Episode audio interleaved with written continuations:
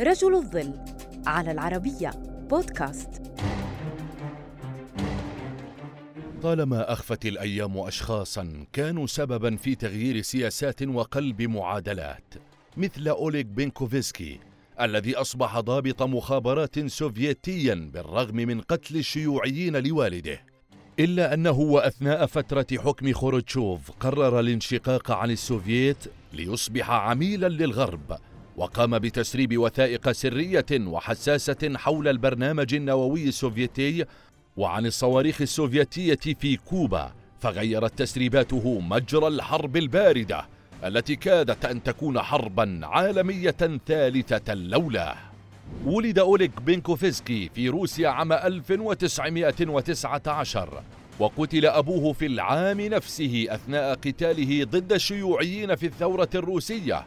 لكن بعدها بثمانية عشر عاما انضم بينكوفسكي إلى الجيش الأحمر وعمل ضابط مدفعية أثناء الحرب العالمية الثانية وتعرض خلال عمله لإصابة عام 1944 وبعد إصابته ونهاية الحرب العالمية الثانية التحق بنكوفسكي بأكاديمية فرونزي العسكرية حتى عام 1949 عندما انتقل إلى جهاز المخابرات العسكرية وأصبح ضابط مخابرات ثم تمت ترقيته إلى كولونيل عام 1960 وكلف بمهام ارتبطت بالتجسس وجمع معلومات حول البرامج العلمية والتقنية لكل من بريطانيا وأمريكا.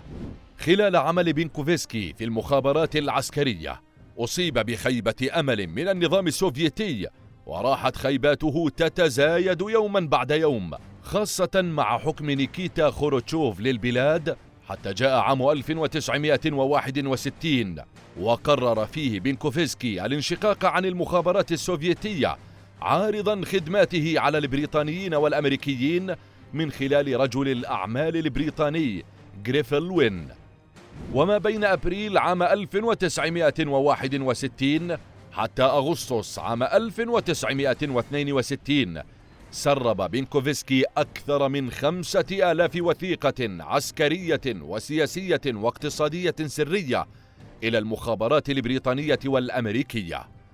وأثبتت هذه الوثائق تأخر البرنامج النووي السوفيتي مقارنة بنظيره الأمريكي وتفوق الأمريكيين في مجال الصواريخ بعيدة المدى. فكانت معلومات لا تقدر بثمن بالنسبة للغرب. ومن أهم المعلومات الحساسة التي سربها عن الوجود العسكري السوفيتي السري بكوبا كما حدد لهم بدقة مواقع منصات الصواريخ السوفيتية في الجزيرة قبل أيام فقط من اكتمال عملية نقل وتركيب هذه الصواريخ. كانت تلك المعلومات سببا في تغيير مجرى الحرب الباردة. وحل أزمة الصواريخ الكوبية. فمع تحديد مواقع منصات الصواريخ وتأكيد تفوق البرنامجين النووي والصاروخي الأمريكيين على نظيريهما السوفيتيين فقد نيكيتا خروتشوف الأفضلية في المفاوضات مع نظيره الأمريكي جون كينيدي. وخلال شهر أكتوبر عام 1962 ألقى السوفييت القبض على بينكوفسكي بتهمة الخيانة.